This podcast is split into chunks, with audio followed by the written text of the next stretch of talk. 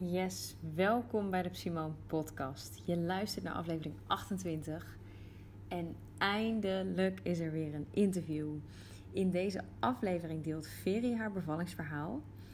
Ehm, hoewel zij van tevoren zich helemaal had voorgesteld om thuis te bevallen in bad, werd het een ziekenhuisbevalling. En precies de dingen waarvan ze op voorhand niet wilde dat ze zouden gebeuren, die gebeurden wel. Achteraf kijkt ze hier echter heel positief op terug. Um, onder andere op de manier waardoor ze, waarop ze door het ziekenhuis hierin is begeleid. En dat is ook de main reason waardoor ze heel graag haar verhaal wil delen in deze podcast. Uh, maar we bespreken ook de belangrijke lessen die ze hierin mocht ontvangen.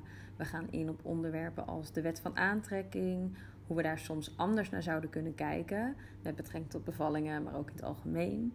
Um, we bespreken hoe wij persoonlijk zijn omgegaan met bijvoorbeeld gevoelens van schuld in de kraamweek. Um, en wat we vooral hopen is dat deze aflevering echt een brug kan slaan tussen de wereld van thuisbevallen en die van het ziekenhuis. En dat het geen wij-zij verhaal is of een goed voor ze slecht of een dit is goed voor iedereen. En dat er veel meer begrip komt voor de verschillende perspectieven. En het uiteindelijke doel is dat alle moeders die autonomie kunnen blijven vasthouden tijdens hun bevalling. Waar of op welke manier dan ook. En wat we bijvoorbeeld ook bespreken is hoe jij zelf invloed kunt hebben op hoe het ziekenhuis hierin ondersteunend kan zijn voor jou. Tijdens het interview uh, is het dochtertje van Ferry acht weken oud. En die komt er ook heel even tussendoor. En dat heb ik er lekker niet tussenuit geëdit. Want ja, dit is toch wel hashtag live. Um, mocht je naar aanleiding van deze aflevering de behoefte voelen om ook je verhaal te delen, of heb je vragen, of zou je hulp willen bij het herstellen van een wellicht niet positieve of zelfs traumatisch ervaren bevalling, let me know. Neem alsjeblieft contact op. Dat mag via een DM op Instagram. Je mag maar mailen naar info.simone.com of um, je zoekt mijn nummer op en um, je stuurt me een WhatsAppje. Ik zal mijn nummer ook even in de beschrijving van de episode zetten. Mocht je meer willen weten over Veri, kijk dan even op veri.nl. Ze vertelt in de aflevering kort wel wat ze doet. En ook uh, vertelt ze wat over de Ice Queen sessies. Misschien ken je haar daar ook wel van. Maar check dan vooral even veri.nl. Ik wens je heel veel inspiratie en heel veel luisterplezier. Hi, mijn naam is Simone Scherpenzeel en ik ben psycholoog en newborn momcoach. Met mijn bedrijf Simone help en inspireer ik zwangere vrouwen en kerstverse moeders bij het vinden van meer rust en vertrouwen. Zodat die intense periode van het moeder worden ook vooral een periode kan zijn van blijdschap en genieten. Mijn intentie met deze podcast is zorgen voor meer bekendheid en erkenning van alles wat erbij kan komen kijken van prille zwangerschap tot en met het eerste jaar na de geboorte. Van je in en in gelukkig voelen tot heftige, zware emoties. Ik hoop je te inspireren en handvatten te geven, zo dicht mogelijk bij jezelf te blijven in deze bijzondere ontwikkeling die je doormaakt. Ik wens je heel veel luisterplezier. Ik zet hem gewoon aan, hij loopt. Helemaal goed. En um, ik ben heel blij dat ik hier bij jou ben vandaag en dat jij je hebt uitgenodigd voor mijn podcast. ik zit hier bij Veri in haar tuinhuisje. En het is wel heel erg leuk, want ik heb denk ik drie weken geleden, toen nam ik mezelf voor om weer um, meer met de podcast te gaan doen. En toen appte jij mij, joh, ik heb een verhaal, ik wil het heel graag delen in jouw podcast over mijn bevalling. En toen dacht ik, dit, dit moet zo zijn. Dus ik ben heel blij dat jij me ook weer even die schop onder mijn kont heb gegeven om dit op te pakken weer. En um, ja, ik denk dat het heel fijn is als jij jezelf gewoon even voorstelt. En um, daarna ook even wil vertellen waarom je zo graag ja, je verhaal wil doen. Want dat is de essentie van, het hele, van deze interviews die ik wil doen. Om gewoon verhalen te delen. En uh, het woord is eigenlijk vooral aan jou. Is goed. nou, ik ben Veri. Um, ik werk als coach en mentor voornamelijk uh, voor mensen met uh, ja, zelfvertrouwensissues. Ik help mensen naar meer zelfvertrouwen. En dan niet alleen vanuit de mindset van oké, dit is hoe ik mezelf wil presenteren, maar meer ook vanuit de belichaming, vanuit ja, echt je diepe zelf, wie jij voelt, wie jij ja, bent in essentie, zeg maar. En dat is soms heel iets anders dan wat mensen aan de buitenkant zich voornemen om te zijn. Ehm, dat is voornamelijk wat ik doe. Ik doe dat uh, op verschillende manieren. In de eerste instantie met een coachingstraject, maar ik heb ook workshops die ik eraan koppel. Zoals een ice cream workshop. met ijsbaden. waar ik stiekem Simone al voor heb uitgenodigd om dat na de podcast te doen. En ze heeft er bikini bij zich, toch? Ja, je hebt je bikini ja, bij Ja, en de voorbereiding op dit interview is ook helemaal in de soep gelopen. Omdat ik alleen maar druk aan het maken was met ijsbad. Komt goed. Uh, en ik werk ook heel veel met mediteren. Uh, het zijn voor mij allebei twee methodes, twee tools eigenlijk, waarin je helemaal naar binnen kan keren en de stilte in jezelf kan voelen. Waardoor je ook ja, meer met jezelf in contact kan komen. Dus het gaat niet alleen maar over stoer zijn en uh, de wereld laten zien hoe ontzettend krachtig je bent. Dat zijn we sowieso allemaal in de kern. Dat is vaak oproep, denk ik, in eerste instantie. Wat bij mij, ik vind mezelf ook heel stoer dat ik er straks in ga. Maar dat is, ik had jouw podcast ook geluisterd onderweg hier naartoe. Dat je ook zegt van aanvankelijk was dat wat je dacht dat het ijsbad je zou brengen. Maar dat was het niet. Nee, het bracht echt iets heel anders. Ja. ja. Ja, en het is iets wat heel moeilijk onder woorden te brengen is en ook een beetje tricky is om onder woorden te brengen. Want als ik het ga uitleggen, dan krijgen mensen ook een bepaalde verwachting. Ja. En ik wil eigenlijk dat iedereen er open ingaat. En dat je niet verwacht dat je er als herboren uitkomt. Want dan lukt het dus sowieso niet. Dat is net als met mediteren. Dat je denkt, ik ga helemaal de, de samadhi, dus eigenlijk de verlichting bereiken in mijn meditatie. Nou, dan per definitie gaat het je niet lukken. Ehm, dus ik wil daar ook niet te veel woorden aan verbinden, ook voor jou voor straks.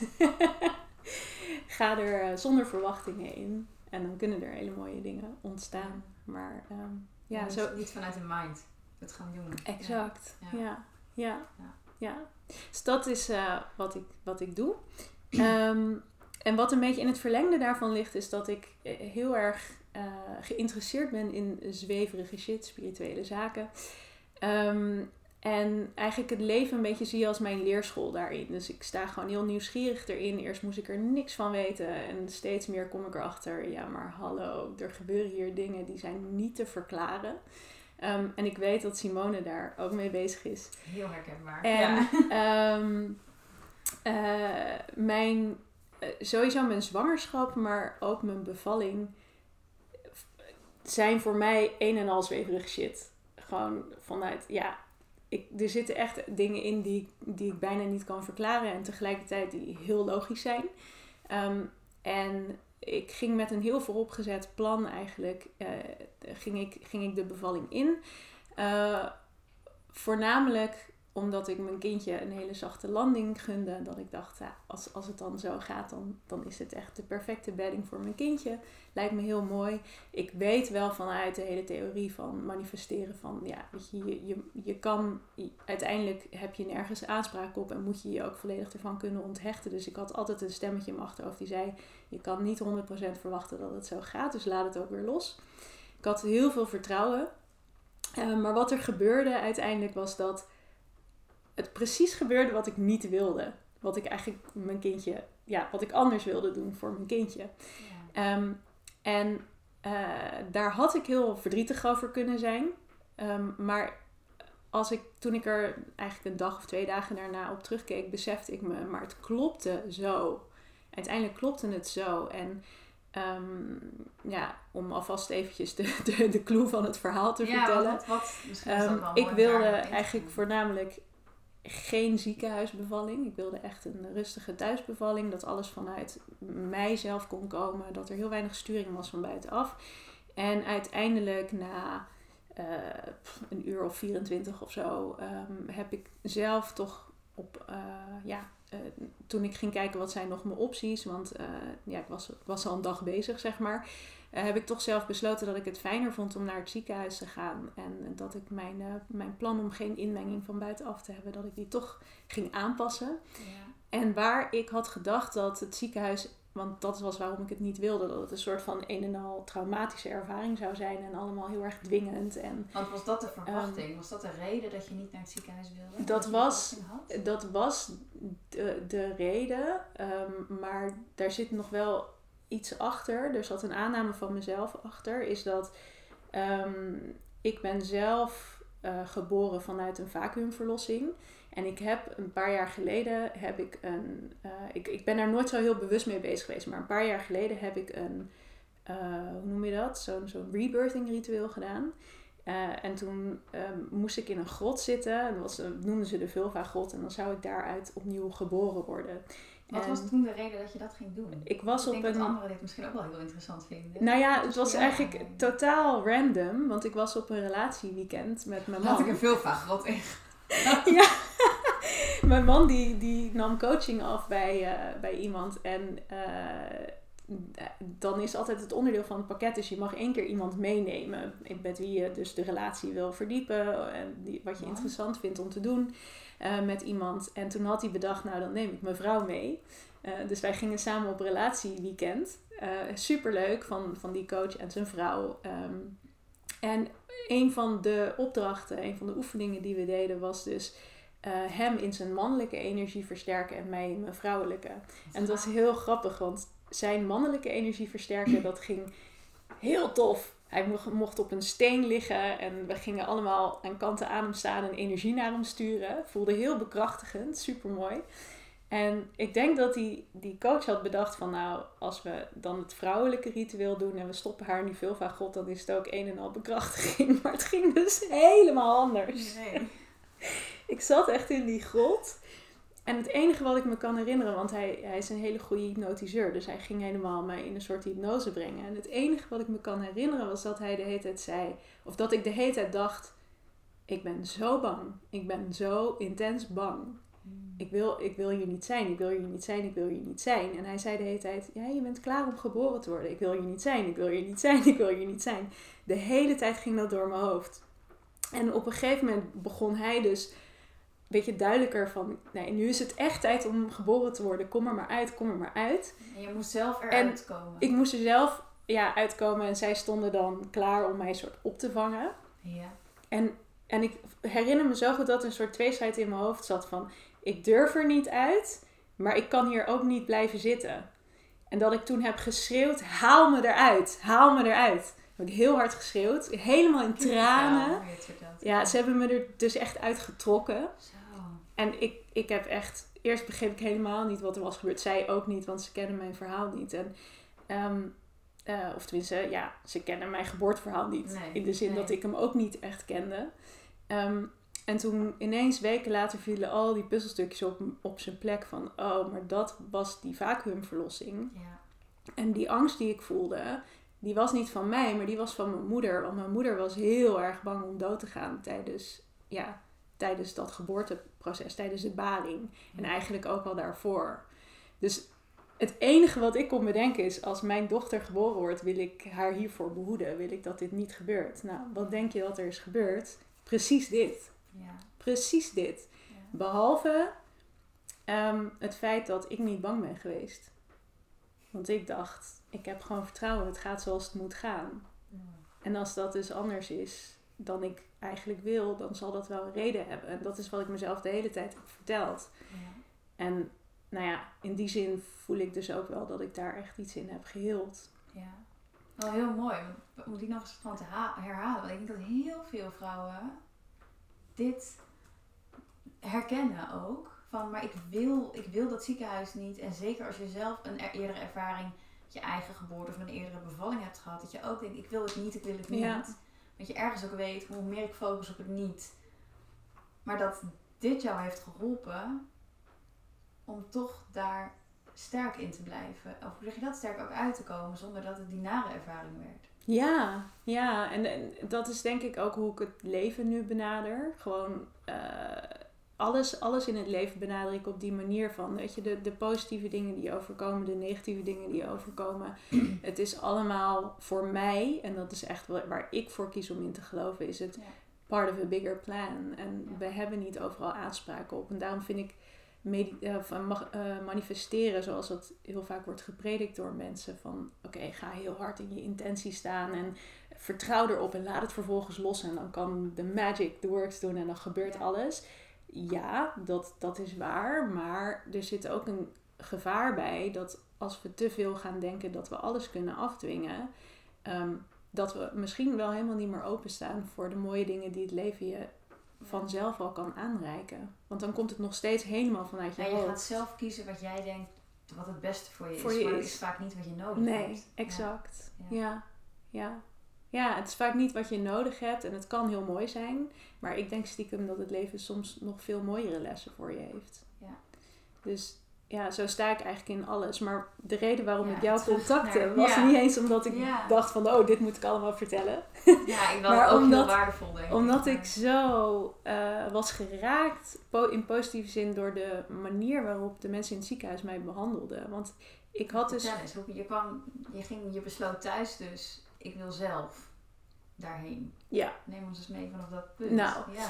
Ehm, eh, eh, eigenlijk, de, ik had een doula en een verloskundige. Mhm. En ehm, op een gegeven moment zei de verloskundige van... eh, ik denk dat we heel even, even, even een pauze moeten nemen. Want ik, ik had perswee en was al denk een uur aan het persen. Maar ik voelde elke keer dat er iets blokkeerde onderin. En da- daar werd ik echt een beetje mismoedig van. Want ik dacht elke keer, oké, nu komt het hoofdje. Nee, er komt niks. En je voel, ik voelde het steeds druk, maar het kwam zeg maar niet. En toen zei de verloskundige op een gegeven moment van... Nou, weet je, ehm, ik denk dat het, dat het goed is om heel even een pauze te nemen. Want wat ik merk is dat je, je weeën zijn er gewoon regelmatig. Maar ze worden minder krachtig. En dat betekent dat jij meer werk moet doen. Maar ik heb zo'n gevoel dat het, dat het alleen maar op wa- wat jij kan doen, dat het niet genoeg is. Dus we moeten even een pauze nemen. En kijken of je dat kan terugvinden. Of die kracht weer gaat, gaat eh, aanvloeien, zeg maar. En ik dacht, oh, dit is zo logisch dat ze het zegt. Want er zaten inmiddels vier hoofden naar me te kijken, verwachtingsvol van nu gaat het gebeuren. En het gebeurde elke keer niet. Dus ik was ook helemaal in mijn hoofd geschoten en dacht, oh my god, gaat dit nog lukken, weet je wel.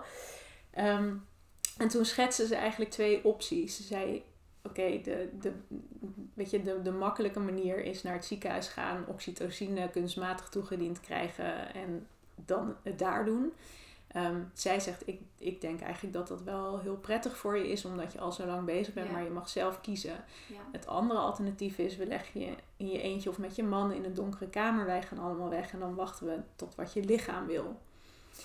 En nou, Even wat mooi ook, dat je zo die keuze dus krijgt. Ja. En hoe mooi het ook wordt geschetst van de hulpmiddelen zijn er, want daar zijn ze voor. 100 kies maar. procent. Ja, en dat, dat had ik ook. geven, zeg Ik maar. had dat ook echt in mijn geboorteplan staan. Van ik wil, je mag me alles aandragen, maar ik wil beslissen. Ik wil niet dat jullie voor mij beslissen. Dus het was heel fijn dat ze daar zo goed naar luisterden. En wat een vertrouwen ook van haar dat ze je ook de optie gaf om in die donkere kamer te gaan liggen. Ja. Ik heb zo vaak ook gehoord dat er dan toch ook een bepaalde angst, ja het moet nu. En, Ja, kijk, ik voelde wel ergens dat zij wel degelijk een voorkeur had. ja. Eh, en ik voelde ook dat de doula een andere voorkeur had. Maar ik dacht, nee, nee, dit is mijn beslissing. Ik mag ja. beslissen. ja. Ehm, er iets in mij zei nog steeds, ik wil toch heel graag thuis bevallen. Dus ik heb, eh, denk ik, vijf minuten met mijn man in, met, in, met z'n tweeën op de bank gelegen. Maar ik werd helemaal gek van alles wat er gaande was in mijn lichaam. Ja. En toen dacht ik, nee, ik, ik, wil, ik wil dit gewoon niet meer. Op deze en manier. 24 uur bezig. Ja. Ook moe. Ja. Ja, ja, ik was gewoon, ik kon ook niet meer helder denken. Dus ik dacht alleen maar, wat is gewoon nu, wat voelt nu als het verstandigst? En ja, als hoe ik mezelf ook een beetje mag laten helpen eigenlijk. In plaats van denken dat ik het allemaal zelf moet doen. Dat is ook Wat voor mij best wel een grote stap is, want Ja. dat doe ik niet snel. Nee, nee. Ehm, en toen zijn we dus naar het ziekenhuis gegaan. En, en dat, dat wat ik echt het allermooiste vond, was wat als eerste gebeurde toen ik op de kamer kwam. Ehm, ik had een geboorteplan, wa- was echt vier kantjes lang, was echt een lang plan. Met allemaal dingen die ik wel wilde, allemaal dingen die ik niet wilde. Waar ook heel groot in stond, ik wil geen vacuümverlossing. Ja. ja, ja. En ik kom in die kamer in het ziekenhuis en het eerste wat eh, de verloskundige die toen dienst had zei was... Jeetje, wat vervelend voor je dat je nu toch hier nog terecht komt. Dat het zo moet gaan, want ik weet dat je iets anders wilde. Mm. En dat ze dat zo zei, dat... Ik vond het ten eerste mind-blowing, want ik had een soort aanname dat ze in het ziekenhuis daar helemaal geen oog voor hebben. En dat was ook waarom ik het heel graag met je wil delen. Ja. Ja, ja. dat is eigenlijk de essentie van waarom ik mijn verhaal wilde delen. Dat ik dacht, ja, dat ziekenhuis is niet alleen maar de big bad guy, zeg maar. Nee, Ehm, maar het was ook, ik voelde me gewoon in één keer gezien en serieus genomen. En ja, dat was gewoon echt heel fijn. En vervolgens kwam ik er ook achter dat ze van top tot teen mijn geboorteplan hadden gelezen. Alles wat eigenlijk voor hun niet meer kon, dat hebben ze allemaal met mij overlegd. Van ja, dit staat in je plan, maar eigenlijk kunnen we dat nu niet meer doen. Vind je het oké als we het toch anders doen? Alles met me overlegd. Ehm, Dus jij bleef wel die autonomie ik bleef die regie houden. Ja, Ja, ja, ja, mooi. ja. Dus zo, eh, zo kan het ook zijn, Ja. blijkbaar. En maar toen? ik, ik wist dat niet. Maar ik weet niet het verhaal nog. Ja, en toen. ehm, oh ja, nou ja. toen. eh, ehm, ik heb echt sowieso heel veel dingen aangepast. Want ik wilde ook geen kunstmatige oxytocine. Maar dat heb ik lekker toch gedaan. Eh, lekker lekker, lekker toch. Ja, maar vanuit jezelf gekozen. Vanuit, ja, dat ik op dat moment dacht, ja, dit wil ik toch wel. Ja. Ik wilde eh, geen pijnbestrijding, eh, maar ik had rugweeën. En nou, ik vond na 24 uur rugweeën, dacht ik wel, hm, mijn rug doet zo'n pijn dat ik eigenlijk nergens anders meer op kan focussen dan mijn rug. En dat is heel vervelend, want je wil daar helemaal niet op focussen. Ja. Eh, en toen heb ik toch voor gekozen om toch, hoe heet dat spul? Die morfineachtige variant. Moeilijke naam. Ik ben daar Geen idee. Nee. Eh, ze, ze hebben iets wat je zelf met een, met een, eh, met een kastje kan toedienen. Het werkt een minuutje en dan eh, vervaagt het weer. Het neemt de pijn niet weg. Het maakt je niet gevoelloos. Maar ehm, het neemt een beetje de scherpe kantjes ervan af. En het was echt genoeg om mijn rugpijn weg te nemen. Wat heel fijn was, waardoor ik me Ja. echt weer op mijn weeën kon concentreren. Ehm, dus daar heb ik ook ja tegen gezegd. Of eigenlijk zelf gevraagd of ze, dat, of ze iets hadden wat ik kon gebruiken. Ehm, en toen gingen ze natuurlijk alles weer eventjes meten, voelen, et cetera.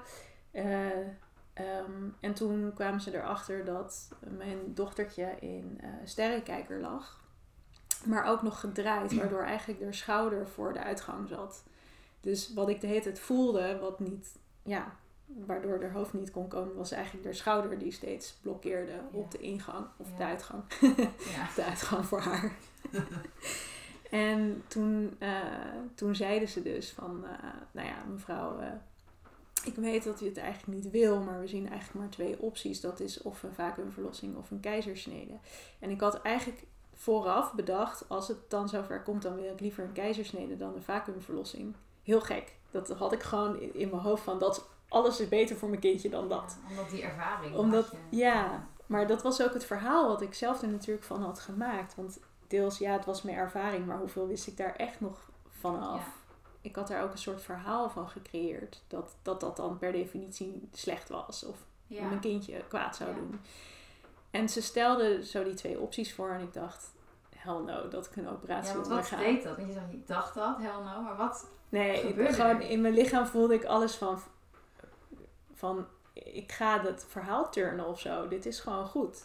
Dit is gewoon goed om te doen, die vacuümverlossing. En no way dat ik de operatietafel op ga, want dat wil ik niet eens. Gewoon zelf. Nee. Ook niet vanuit mijn lijf. Gewoon nee. Nee. Er was, het was echt een groot... Ik voelde heel sterk van ik ga het doen. Ik hoor een meisje. Ja, ik hoor. Pauzeren. Hij doet het weer. We zijn er weer. Er kwam een hele, hele lieve, lieve Joy tussendoor. Die heeft even een worst leeg gedronken. En wij gaan de draad weer oppikken. Ehm, ja, we zaten in de verloskamer met je verhaal. Ja, en ik koos no way voor... die tafel op wilde, dat gevoel. Ja. Ja, en ik koos dus voor die vacuümverlossing die ik oorspronkelijk niet, niet wilde. Mhm. Ehm, ja, Hoe Het is- eh, Ja. wel grappig, want je kan... Waar ik zeg maar eerst zo'n weerstand daartegen voelde, als ik er vooraf over na ging denken, was het dat ik op dat moment dacht, dit is gewoon het beste wat ik voor ons allebei kan doen of zo. En dat, dat, dat was niet een heel verhaal in mijn hoofd, want daar had ik helemaal geen tijd voor. Maar ja, misschien voelde ik dat wel, van het is, het is gewoon echt oké als ik dit doe. En het scenario was eh, nog wel een beetje lastig ook zoals ze het presenteerden naar mij. Van, want eigenlijk was er nog steeds best wel een grote kans dat het niet ging werken met die vacuümverlossing. En dat ik alsnog een keizersnede moest. Maar er was iets in mij wat gewoon zei: nee, dit gaat ook gewoon werken. En dit gaan we gewoon doen. En eh, het is denk ik de kracht die je eigenlijk sowieso in een bevalling gebruikt om zeg maar ja om uit te diepen dat je voelt oké nu heb ik al die kracht verzameld het zit gewoon in mij en ik ga het regelen. En dat had ik wel eerder ook gevoeld in die bevalling ehm, maar niet zo gedecideerd als ik op dat moment voelde. Niet dat ik echt ja, dacht van er is gewoon geen andere mogelijkheid meer. Dit is gewoon wat er gaat gebeuren en zo ga ik het gewoon regelen. En um, ja, ik, de, ik denk ook ergens dat, dat dat dus heel goed heeft gewerkt. Want ik hoorde later, en ik weet niet of dit waar is, dus misschien is het echt een totale aanname van mij. Maar voor jou is het waar. Voor mij is het waar dat de, de kraanverzorgster die zei van uh, als ze vacuümextracties ziet, dat ze vaak 10, 12 keer wel pogingen doen. En bij mij, voor mijn gevoel, was het echt binnen vijf minuten geregeld. En ze hadden blijkbaar drie keer aangezet. Ehm, maar het ging super, super snel. En daarmee bedoel je, even ja, ze, ze doen dat zeg maar dat hij los gaat? Of ja, dus uh, wat het doet is dat het, uh, het is een soort pompachtig ding. Ik heb hem niet helemaal bestudeerd, maar dat is wat ik van heb begrepen. Wat zet, dat zet ze op de, het hoofd van het kindje. Ja. Ehm, en dan op een W trekken ze eigenlijk mee. Waardoor, dus het gaat niet tegen een W in. Dus ze trekken echt mee op een W, maar dan wel echt met een enorme kracht eigenlijk trekken ze. Waardoor ja, dat, dat kindje mee kan komen. Geholpen wordt. Ja. Geholpen wordt, ja. En um, eigenlijk eh, dat dat aanzetten, dus dat ze het op het hoofdje zetten, um, dat moet vacuümzuigen, want anders kan het niet. En er zit een soort systeem in dat als het dus vacuümzuigt en het kindje zou niet meekomen, dus het blokkeert, dan schiet het ook weer los. En dat is vaak waardoor ze het meerdere keren moeten aanzetten. Dus dat, ja, ja, op een manier. De, de vacuüm moet goed pakken, maar hij moet ook losschieten op het moment dat het kindje niet meekomt. Want anders ja, is dat natuurlijk enorm uh, letsel voor zo'n kindje. Ja. Um, en dat is een soort techniek, denk ik, ja, die ze moeten vinden. Ja. Uh, waardoor dus ook het heel vaak pogingen zijn die niet, niet slagen, als het ware. Ja, en dat dus eigenlijk helpend zijn.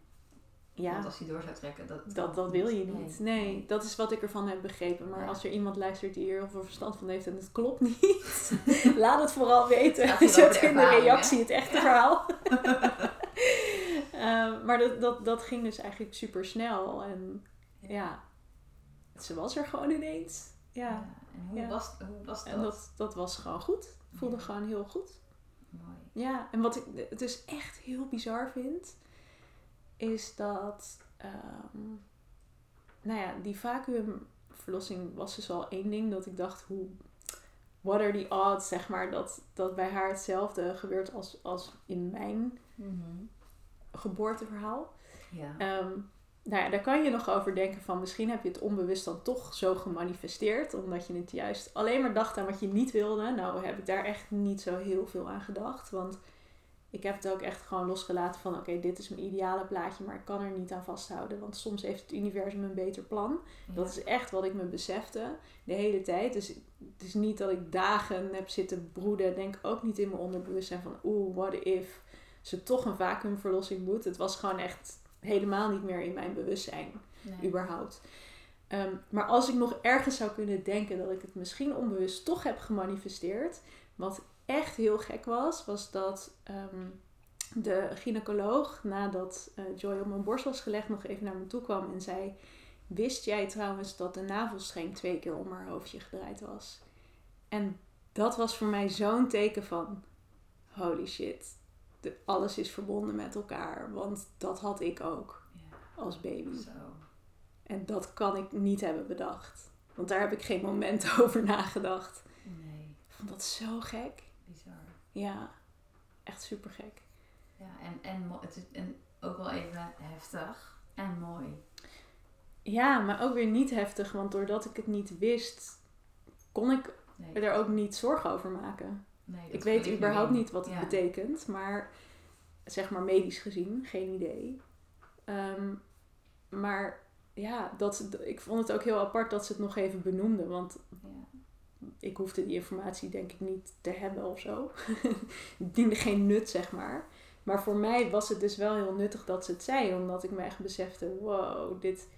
Die ervaring gewoon. Ja, weet je, we zijn, we zijn allemaal verbonden. En die familiesystemen die zijn zo, eh, zo intens sterk blijkbaar. Dat het gewoon hele, hele situaties opnieuw kan laten herleven met een andere uitkomst. Heel bizar. En heel mooi. Ja, ja super mooi. Ja.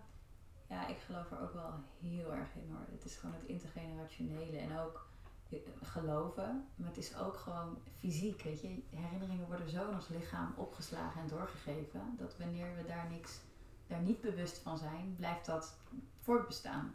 Ja. Jij bent er natuurlijk heel bewust nu mee aan de slag gegaan. Want wat betekent het nu voor jou? Want jij zei, ik heb er nu een les. Het heeft me een enorme les gebracht. Ja, um, verschillende lessen denk helemaal ik. filosoferen, losgaan, diep mogen gaan hierop. Daar hou ik van. Uh, het heeft me echt verschillende lessen denk ik gebracht. In de zin dat in de eerste instantie... Um, ik me besefte dat ik niet had gefaald. Want dat was wel echt een dingetje waar ik vooraf ehm, ook veel met mijn doula over had gesproken. Een van de redenen ook waarom ik met een doula wilde werken was dat ik wel voelde dat er iets in mij zat dat heel bang was dat ik het niet kon bevallen op de een of andere manier. Dat ik dat niet zou kunnen. Ehm, en, uh, en dat het niet eens zozeer was dat ik bang was dat het niet ging lukken. Want ergens weet je wel, er blijft nooit een baby zitten. maar dat het dan voor mij heel erg zou voelen als dat ik als vrouw gefaald zou zijn, zou hebben, zeg maar. Ehm, en dat stemmetje, dat kwam achteraf wel heel even op. Zeker in die, uh, die, die, gedurende die kraamtranen, echt twee dagen daarna of zo, dat ik ineens alles ging overdenken. En dat stemmetje ineens hoorde van, zie je nou wel, je hebt het niet goed gedaan, want je hebt het niet zelf gedaan.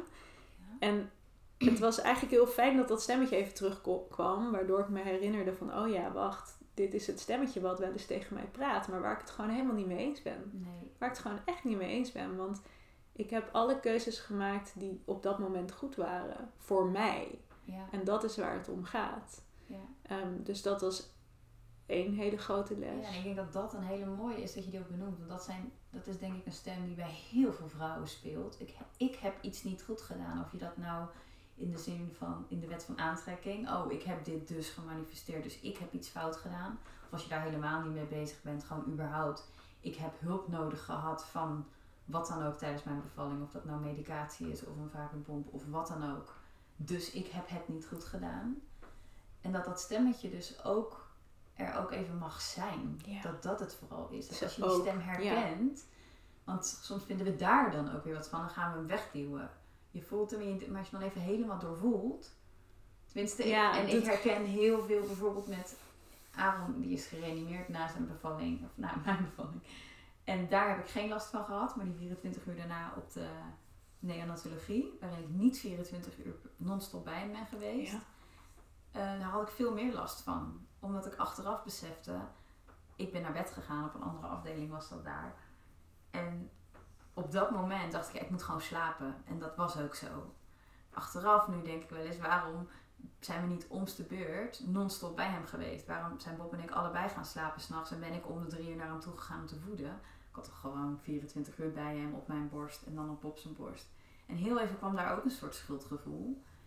En die heb ik er ook op een gegeven moment laten zijn. Iemand laatst vroeg mij van, van hoe ga je daar dan mee om? hoe heb je dat weer losgelaten? Ik snap vooral door hem niet weg te duwen. Ja. En hem gewoon even te horen. Ja. En toen kwam er zo'n zo, zo besef van... Ja, maar ja, op dat moment koos je daarvoor. Niet vanuit een rationaliseren, maar wel van... Het was prima. Er is geen schuld. Maar ik moest hem wel eerst voelen. Absoluut. En dat is wat jij nu ook zegt. Van ik heb hem gewoon herkend. Ik was me er bewust van, hij was er. Ja, en, maar, toen kwam de volgende stem van, hou even. Het klinkt wel nu alsof dat echt super soepel ging, maar dat was wel even een flinke confrontatie met mezelf. Ik vond het echt niet leuk dat dat stemmetje opkwam. Maar het is inderdaad precies wat je zegt, dat ja, het is nodig om hem ook te kunnen loslaten. Moet je hem echt aankijken. Ja, Dus eigenlijk- zo heftig is, duwen we hem weg vaak. Ja, maar eigenlijk dus als, als voor, voor iemand die luistert, als je, als je dus dit soort momenten meemaakt met jezelf en je merkt van, oh wow, dit is echt een hevige confrontatie met mezelf en ik vind hier heel veel van, dan eigenlijk zit je op het goud. Want als je dat dan kan neutraliseren, dat zeg maar daar iets van vinden, van Ja. die gedachte. Als je dat kan neutraliseren, dan kan die ook echt weg. Dan, dan laat je hem los. En wat, wat helpt jou daarin? Of hoe, wat maakt, of misschien dat, ik heb het ook zo ervaren, wat maakt dat we dat kunnen toestaan? Of wat helpt ons dan daar zo doorheen te gaan? Want dat is ook Ja. wat ik heel veel de vraag krijg, ja maar hoe doe je dat dan? Ik, ik ga zeggen wat, ik, wat het voor mij Ja, is. En dan ben ik heel benieuwd wat het voor jou is. Of dat hetzelfde is. Ehm, sowieso oefening baart kunst. ik, heb, ik heb dit al heel vaak meegemaakt. En steeds bewuster daarin gestaan, zeg maar. Waardoor op een gegeven moment weet je gewoon... Oh, wacht, het is weer even dat patroontje. Dat, dat, dat, dat, weggetje wat ik moet lopen in mijn brein. En als ik dat dan heb gelopen, dan komt het daarna wel goed. Dat, dat, dat weet je op een gegeven moment, maar daar ben je niet meteen, want daarvoor ga je eerst duizend keer stoten aan dezelfde steen. Ehm, en wat daarin heel belangrijk is geweest voor mij, en ik denk wat ik ook aan een ander zou adviseren, is eh, je altijd hem terug te, proberen te pakken naar de compassie naar jezelf. Van oké, ja, ik, ik, ik, dit is zo gegaan en ik heb daarin. eh, ik vind dat ik vind, want jij vindt er vooral wat van. Ik vind dat ik daarin iets anders had moeten doen, of daarin verkeerd heb gehandeld, of daarin niet geslaagd ben. Ehm, dat je steeds dat, dat er iets van vinden eruit haalt en terugkoppelt naar. Nee, wacht eens even. Op, dit, op dat moment heb ik alles gedaan wat ik kon. Of op dat moment voelde dat als de beste keuze. Of op dat moment, ehm, ja, kon ik niet helder denken. Dus heb ik dat gedaan. Weet je, dat, dat je continu die compassie naar jezelf daarin terug blijft Ja. vinden. Dat is eigenlijk denk ik de enige manier. Waarop ook het tegen, kan. je tegen een goede vriendin zegt. Ja, Ja. precies. Ja, Ja, ja. ja ik, ik vind het heel mooi dat je zegt het is oefening. Want dat is het voor mij ook. Ik heb ook heel vaak de vraag gekregen van hoe kon je zo rustig blijven toen Aaron werd gereanimeerd? Hoe kon je zo in contact blijven? Of toen Kiki een maand te vroeg geboren werd. Maar dat was niet dat ik toen voor het eerst dealde met spannende gevoelens. Dat had ik al zo... Ik heb Ja. daar best wel over nagedacht hoe... Want dat hoe is natuurlijk echt een vraag vanuit je hoofd. En Ja, intuïtie is soms niet... Dat, dat is niet met een hoe te, aan te vliegen. klopt. Maar als ik dan toch een antwoord moet geven, is het inderdaad het, het al heel vaak geoefend hebben in. Nou, ik ben echt niet een doorgewinterde yoga. Maar ik had het al toen al twee jaar gedaan. Ik, had, ik kende mijn lichaam. Ik was me bewust dat ik überhaupt gedachten kon hebben en dat ik daar afstand van kon nemen. En trainen met in je lijf zijn, Ja. Dat heeft mij zo geholpen bij mijn beide bevallingen. Want die zijn allebei ook niet. Ik, achteraf, ik zie ze als perfect, maar ze waren echt niet zoals je ze van tevoren niet, niet wilt. in het boekje. Nee. Niet zoals het in Je het wilt boekje niet een maand bevallen Nee. of je kind eh, gereanimeerd zien worden. Dat, maar toch vond ik ze magisch en was ik zo in contact. En het is echt het van tevoren al in contact zijn. Dat is ook mijn grootste advies inderdaad aan vrouwen. Van hoe bereid je het beste voor op beva- bevalling? Ja, denk na over wat je wel en niet wilt en informeer jezelf. Laat je informeren, maar ga vooral aan de slag met, met jezelf voelen, jezelf kennen. Ja. En, Ja. en durven zijn met die nare gevoelens. Ja. Reken maar dat ze getriggerd worden. ja, nu jij het zegt, bij mij zijn ze allemaal getriggerd. Dat is worden eh, gepusht. Ja, je staat zo open. Je bent zo... Mijn kraamverzorgster zei dat zo mooi. Je gaat letterlijk open als je bevalt. Dat is ook energie, niet alleen fysiek, maar ook energetisch. Om, Oh ja. om je kindje te kunnen insluiten. Ja. Ze zei dus, alles moet open. En als je daar niet... Ik was bijvoorbeeld ook al vijf jaar bezig met hoge sensitiviteit. En dat je dus ontvankelijk bent voor dingen. Ze zei dat is nu op zijn top. Want je staat helemaal open. En je kan nu kiezen. Laat je iedereen daarin en alles. Of hou je het voor jezelf, voor je gezin en voor je kindje. En dat vond ik zo mooi hè.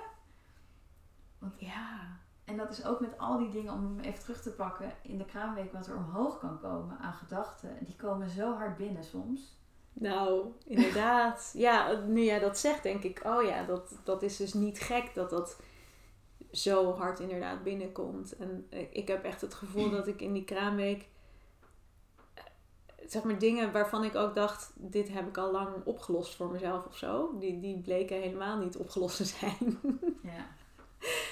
en uh, wij, wij hebben daar denk ik ook wel in, weet je, mijn man die was super, super, super trots. Dus die wilde heel graag Joy aan iedereen laten zien. Waar ik eigenlijk van tevoren al had bedacht van... Ik wil eigenlijk gewoon even in ieder geval twee weken met z'n tweetjes zijn. En daarna zien we het wel. Ja. Ehm, maar ja, het is niet, niet omdat hij niet naar mij wilde luisteren. Maar ik denk dat hij gewoon super enthousiast was. Dat hij dus eigenlijk al allemaal mensen had uitgenodigd of ja tegen had gezegd dat ze mochten langskomen. Terwijl ik nog helemaal niet eens daaraan over na kon denken, zeg maar. Dus ook eigenlijk niet wist of ik dat wel of niet wilde. Nee. En dat er dan mensen in de kamer zaten dat ik echt merkte van... Uh, ik vind het superleuk dat ze er zijn, maar ik kan het gewoon niet aan. Want ik, voelde ook echt heel erg hun energie, inderdaad. Nu jij dat zegt, denk ik, oh, dat is dus niet gek dat ik dat had. Ehm, ja, ik vond het heel intens. Maar ik denk ook eh, als je, als je dat beter kan kanaliseren, dus, dus je houdt het, je omgeving iets rustiger, dat vervolgens als je dus alleen in je bed ligt of met je kindje even lekker in je bed ligt, dat niet je hoofd echt een enorm loopje met je gaat nemen, omdat je net ietsje beter kan relativeren. Ik denk dat dat misschien ook wel echt kan helpen, want ik, ik had op een gegeven moment echt dat ik af en toe dacht van, oké, ik ben normaal helemaal niet zo geneigd om in al deze gedachten mee te gaan. Maar het lukt me gewoon niet om meteen weer terug te schakelen. Dan, had het echt een paar uur nodig. Je, dat ik wel wist van oké, ik laat ik hier ook vooral dan maar niks van vinden. Want zover was ik inderdaad ook al getraind. Maar dat ik dan merkte na een paar uur van oh, nu kan ik er wel normaal naar kijken. Nu, nu, weet je, nu hangt er niet zo'n gewicht aan. Nu, nu heb ik daar niet zo'n oordeel over als drie uur geleden. Ehm, en dat, dat was ik echt niet meer van mezelf gewend. Dat het zo. Dat je zo intens al die kanten opgeslagen wordt, zeg maar. Nee, normaal, je hebt natuurlijk normaal ook gewoon je routines en je zelfzorg die allemaal bijdragen aan dat je ook hoog in je energie zit qua hoe je je voelt, mentaal.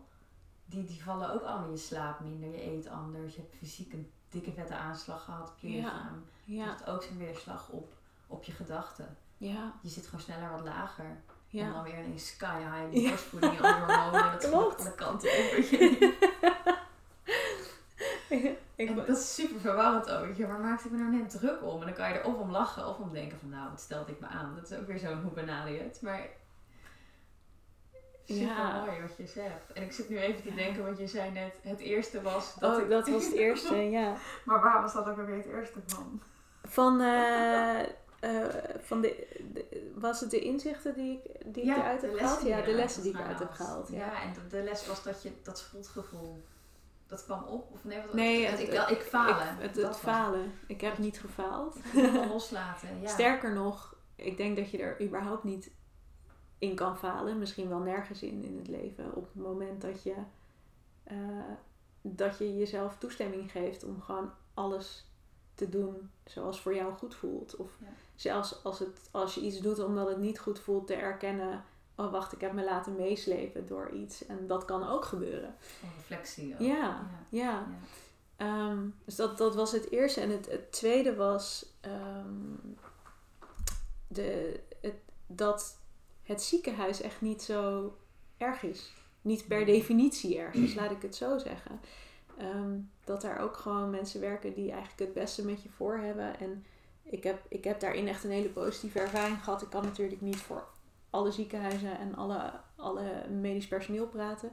Maar wat ik wel echt voelde was ehm, dat, ja, dat, dat ze, weet je, ze hebben allemaal dat vak ook gekozen vanuit een bepaalde bezieling en vanuit mensen willen helpen. En dat was heel duidelijk voelbaar. En Ehm, ik ben later ook teruggegaan. Dat was het moment dat ik, dat ik jou uh, contacte. Ehm, naar de gynaecoloog, omdat ze gewoon even nakontrole wilde doen. En ik heb toen ook aan haar, want zij vroeg aan mij van hoe heb je het ervaren? Zijn er nog dingen die je mee wil geven aan ons? En toen zei ik, nou ja, eigenlijk heel eerlijk, ik, ik, had niet zo'n hoge pet erop van op om in een ziekenhuis te bevallen. Maar het is me echt heel erg goed bevallen. Niet eens meegevallen, gewoon goed bevallen. Dat, Mooi woordspeling. ja, Goed bevallen. die had ik niet eens door. Zo makkelijk. My pun was not intended, maar hij was er wel. maar eh, Ja, dat het zelfs niet neutraal was, maar positief. het was eigenlijk gewoon positief, ja. En toen zei ze, dus ik zag gewoon dat zij geraakt was, emotioneel erdoor. Dat ze echt zei ook tegen mij van, ik vind het zo fijn dat je dit zegt, want dit willen we heel graag. Zijn ook, weet je, als wij overleg hebben met de afdeling over eh, hoe we onze zorg willen aanbieden, dan, dan staat dit altijd bovenaan. Maar ze zegt, ik heb soms het gevoel dat, eh, dat er meer negatieve verhalen naar buiten komen dan positieve. Eh, dus ze was heel, ja, heel erg geraakt en heel blij dat ik het zei. En ze zei, ik ga het ook zeker tegen de verloskundige zeggen die, die, die toen dienst had. Want die wordt hier heel blij van, dat weet ik. En dat was ook het moment waarop ik dacht, ik moet dit verhaal vertellen. Want Ja. deze verhalen Ja. zijn er ook. Eh, het is niet alleen maar ja, ehm, dat, het, dat, het, dat, dat de beslissing je uit handen wordt genomen. Of dat mensen beslissingen over je hoofd maken. Dat, dat is natuurlijk niet alleen maar. Maar als ik dan even kom op het derde eh, inzicht, of de derde les, is dat wat jij eerder al aanstipte van wel die regie pakken zelf en laten zien dat je je eigen keuzes wil maken en dat je erover na hebt gedacht, dat helpt wel Ja. enorm. Ehm, dus dat je een geboorteplan maakt en dat je voor jezelf uitdenkt hoe je het, het, het ideale scenario eigenlijk daaruit zou zien en wat je dan wel en niet wil. Ehm, dat je dat opschrijft en bespreekt met de mensen die er voor je gaan zijn ook. Ja. Ehm, dat is, ja, dat, dat helpt wel enorm. Voor jezelf, maar ook voor andere mensen. Van, oh wacht, hier, hier kunnen we met die persoon over praten. We hoeven niet alles Ja. voor diegene te Ik moest er beslissen. net aan denken toen je het zei van dat, dat het de gynaecoloog of de verloskundige op dat moment die je daar had ook heel erg geholpen was met jouw plan. Ontzettend, je, denk dat ik. is- Ja, Ik heb dat ook toen teruggekregen. Ja, maar omdat jij wist wat je wilde en omdat jij zelf in vertrouwen was, dat weet je, we hoefden alleen maar te overleggen van wij denken dat deze interventie nu nodig is.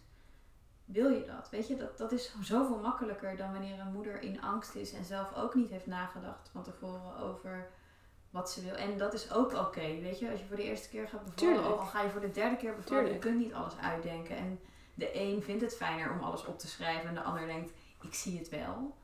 Maar je kunt die samenwerking met het ziekenhuis zelf stimuleren op voorhand. zeker. Door, ehm, ja, dat klinkt misschien wat hard, maar niet van tevoren in een slachtofferrol te gaan van ik, la, ik zie het wel en eh, het zal allemaal toch niet of het gaat toch niet zoals ik het wil. Ja, ik zeg dit misschien nu wat van bot, maar Ja, ik, begrijp, Ik- ik, ik- begrijp heel ik goed denk wat als je je van tevoren voelt ik heb regie, dan maakt het niet zoveel uit wat er gebeurt. Nee, dus je hebt Dat eigenlijk ook in verhaal. de regie in dat het anders kan gaan dan je zou willen. Ja, Dat je dan nog steeds de regie hebt. ja, Daar gaat het om. ja. En misschien is dat dan wel belangrijk, belangrijker nog dan alles wat je wel en niet wil in zo'n geboorteplan zetten. Dat je dat, je dat erin zet. Van oké, ik heb erover nagedacht hoe ik het wil. Dit Ja. is mijn ideale scenario. Maar het kan anders lopen. Ja. Ehm, en ook dan wil ik de regie hebben. Of misschien op het moment dat je zegt van jezelf van ik ken mezelf. Op het moment dat alles anders gaat wil ik heel duidelijke sturing krijgen. ja. Want dat biedt mij veiligheid. weer die zelfkennis. Dat kan ook heel fijn zijn. Ja. Eh, en, en daarin dan bij jezelf gaan onderzoeken, oké, wat heb ik dan nodig van mensen? En, en daar maak je dan je plan van. En dan is het misschien niet het plan zoals ik hem had gemaakt. Ik wil geen vacuümverlossing. Ik wil, ik wil geen thuis. dit. Ik wil, het moet allemaal zo. ja. Maar dan is het eigenlijk, misschien had ik, één, had ik twee zinnen kunnen opschrijven. Ik wil mijn lichaam kunnen volgen. Ehm, ik wil zelf de regie hebben. En als er dingen anders moeten gaan, overleg ze eerst met mij en ik neem de beslissing. Dat was eigenlijk het enige wat het voor mij telde. En ja, omdat dat wat, wat ligt erachter ook? Weet je, waarom wil je thuis bevallen? Of waarom wil je eh, geen medicatie? Of waarom wil je die en die bij je bevalling? Uiteindelijk gaat het erom dat je je veilig wilt voelen, in je kracht wil voelen en gesteund wil voelen. Ja, En als je die, dat is eigenlijk met alle, ik had het gisteren toevallig, ik schreef er ook een post over, weet je, in het leven, in principe ontvouwen de dingen zich. En hoe meer wij ons met het hoe gaan bemoeien, maar als je kijkt naar maar waarom wil ik eh, geld verdienen? Waarom wil ik op vakantie? Waarom wil ik een nieuw huis? Als je te pakken hebt wat erachter ligt Ja. en je kan die, dat is ook in een geboorteplan. Ik had gisteren ineens zo'n zo'n helder licht ik dacht, daar, daar gaat het Ja, maar om. ik vind eigenlijk die drie pijlers die jij noemt. Ben, als jij ze nu zegt, denk ik, wow, dat is denk ik wat ik in mijn hele leven wil, zeg maar. Ja. Ik wil me veilig voelen, ik wil in mijn kracht staan. En wat was de derde die voelen. Gesteund voelen. Dat is het enige wat ik wil in mijn leven. Ja. Meer heb ik eigenlijk niet nodig, als Ja. ik er nu zo over nadenk. Dus ik ben eigenlijk wel benieuwd als mensen luisteren of ze dat herkennen. Dat ze denken, oh, dat, voor mij zijn dat ook dan drie pijlers die heel belangrijk zijn. Of wacht, nee, ik heb eigenlijk drie andere bijvoorbeeld die ik kan gebruiken voor mijn geboorteplan. Maar misschien wel voor alles wat ik doe. ja. Want eigenlijk is het zo simpel. Ja, en dat betekent ook niet dat je niet over de inhoud hoeft na te denken. Weet je, wat helpt je dan om je gesteund Ja. te voelen? Of wat lijkt je leuk? Ga maar fantaseren. Want dat helpt echt ook bij een bevalling. Dat vind ik ook een leuke. Ga maar je leuk. over. Ik heb zoveel dat bad voor me gezien. Ik, ik was op een of andere manier nooit bezig met thuis bij Kiki, maar wel dat bad. Ik zag alleen niet waar die stond. Maar ik zat in bad. Nou, uiteindelijk ben ik in het ziekenhuis in bad. Weet je, dus dat was perfect. Ja, achteraf was het nog perfecter dan thuis. Want we woonden toen bij mijn ouders. En daardoor hadden we nu vijf dagen ziekenhuis. Ons eigen plekje. Oh. Ja, beter dan dat ik had kunnen bedenken achteraf. Maar ik dacht, nee, als je het aan mijn hoofd vroeg, ik ga thuis bevallen. Want dat is fijner. Ja, ja. Nou ja, en ik had dus heel sterk, ik, ik moet in bad bevallen, want ik hou van baden. Nee. Ook ijsbaden, maar ook warme baden. Ik hou van water. Ik geloof heel erg dat het ook pijnstillend kan werken. Dat het ook eh, verzacht, verweekt, weet ik veel. Ik had dat helemaal dat plaatje in mijn hoofd geprent. En dat bad stond in de kamer. En ik ben erin gaan zitten en ik dacht meteen, ik vind dit helemaal niks. Ja. Dus ik ben er ook gewoon weer uitgegaan. ja. Dus het is zo gek hoe je Je soms dingen kan moment bedenken met je hoofd die helemaal niet zijn wat je in het moment nodig hebt. En ook andersom hoor je wel eens dat vrouwen zeggen: Ja, ik wilde wel naar het ziekenhuis, maar toen ik eenmaal bezig was thuis, dacht ik: Ik wil het ziekenhuis helemaal niet. meer." Klopt. Ja. Want ook, ook andersom, zeg maar. Ja. Dat je denkt: Ik wil het wel, maar dat je er uiteindelijk niet heen wilt. Ja. We gaan ik, even, even structuur. Want we hadden die lessen. Want je zei dus: ehm, eh, De eerste van: ik, ik heb het. Ik heb niet gefaald. Ik heb Alles is, supergoed. Alles, alles is zoals het gegaan zoals gaan. het moest gaan. Het was En- perfect. Zoals jij het zegt, het Ja. was perfect. Ja. Ja. Ehm, ik ben zo goed in En ik was daar ook in perfect. Het tweede was het ziekenhuis. was eigenlijk heel fijn. Ja, dus ik had daar echt een verkeerde aanname over voor mezelf. Ja. Ehm, En de derde en nu. derde was, ehm, nou, daar hadden we het net nog over. De derde was ehm, dat, dat geboorteplan. Dus dat Ja, het heel erg helpt om in ieder geval uit te denken wat je wil, maar vooral hoe jij het zegt, zelf de regie te nemen. Ja. En dat je daarmee dus ook de zorgverlener helpt. ja, En dat Ja. het niet een eigenwijs plan is van de moeder. Want dat denk ik dat heel veel moeders ook bang zijn. Ook als ik zo'n heel plan maak, ah, ja, dan ben ik te veel eisend. Maar het helpt ook de zorgverlener om jou juist keuzes te laten maken. ja, Ja. ja, ja, zeker. Ja, en ehm, wa- wat voor mij een hele belangrijke is, en ik weet niet hoe andere mensen daar naar kijken, dit is echt een hele persoonlijke, is ehm, dat het heel fijn kan zijn om geholpen te worden. Mm. En ik, achteraf besefte ik me van, ja, het is gewoon echt een patroon eh, in mij. En, en ik kan hem ook heel goed plaatsen als ik kijk naar mijn familie. Eh, ik denk dat het echt door hele lijnen in de familie heen gaat. Is alles zelf willen doen. Ja. Alles. Nooit, last van. En Heel wow. herkenbaar. Het, juist het moment waarop ik heb besloten, ik laat me nu helpen, is het eigenlijk zoveel makkelijker geworden. Prachtig. Ja. En ik denk stiekem, al die.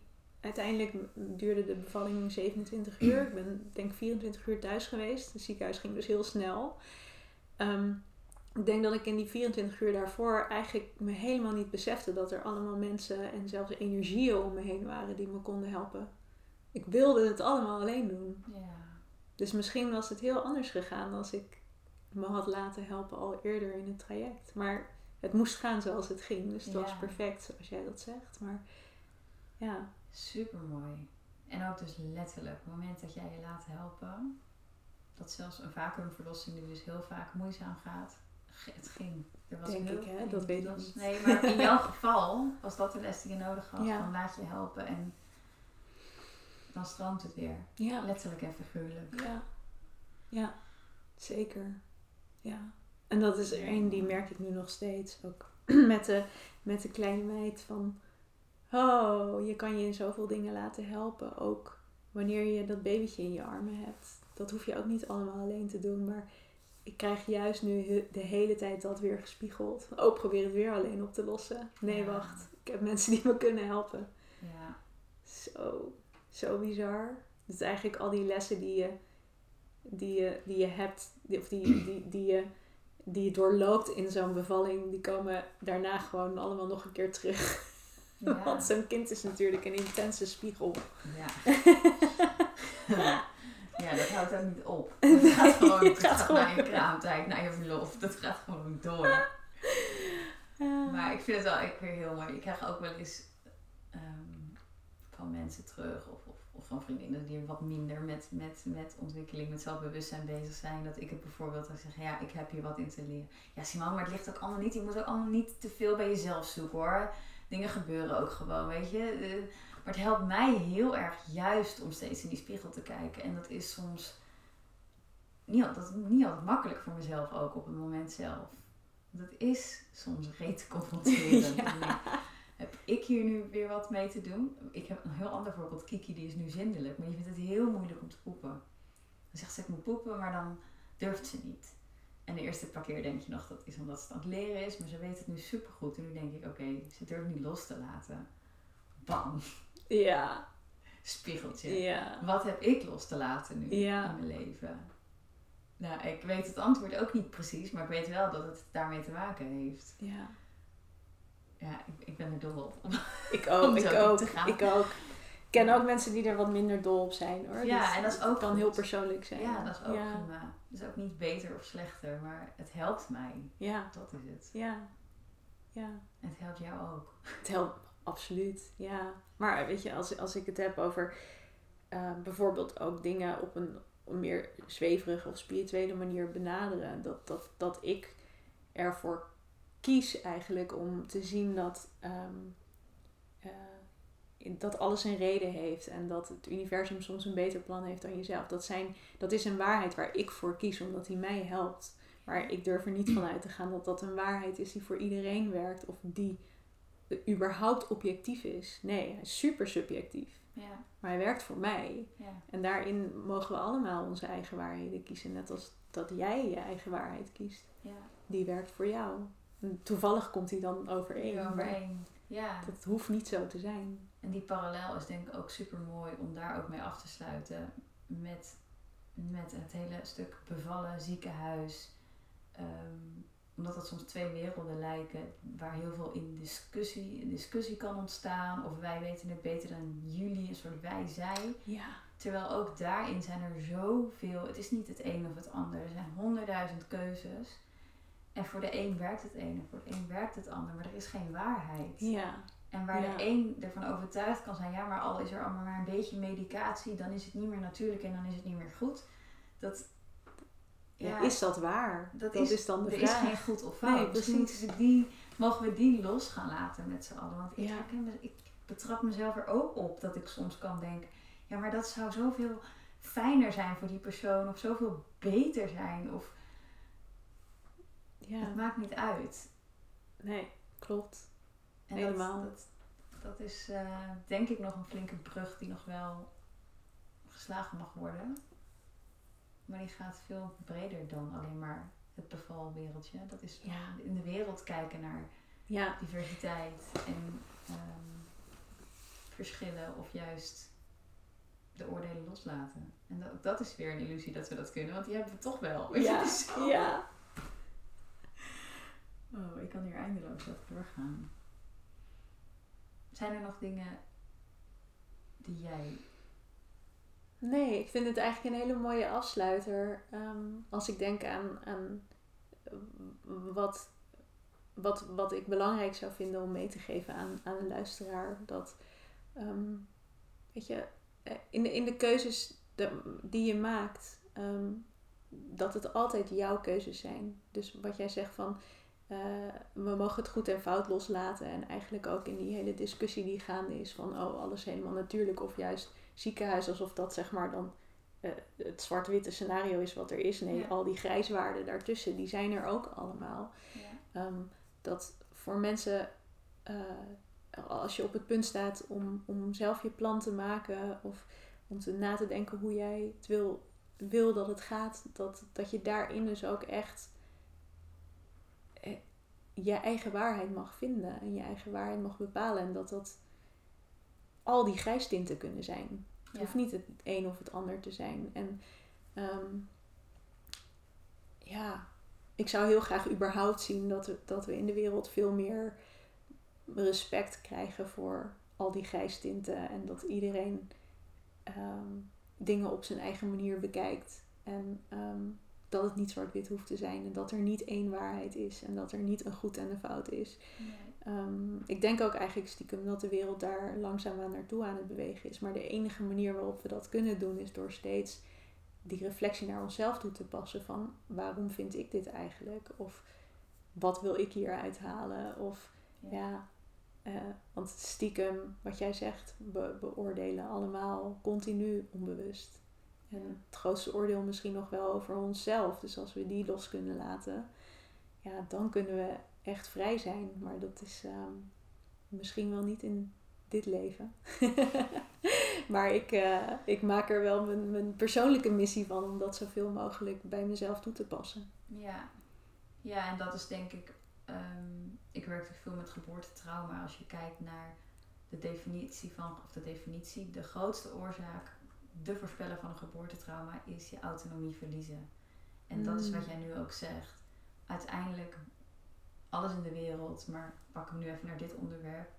Echt naar jezelf gaan. Wat heb jij nodig? Wat, wat heb je aan te kijken, maar ook wat heb je nodig? Daarvoor durven staan. Voor jezelf kiezen. Dat is de grootste voorspeller van die autonomie ook. Wat kunnen mooi. vasthouden. Ja. Jezelf kunnen jezelf kennen. En dat is niet egoïstisch, maar kies echt voor wat goed voelt. En die oordelen loslaten, dat, uh, gaan we dat zou leuk zijn. Nee, maar gewoon echt voor jezelf durven kiezen.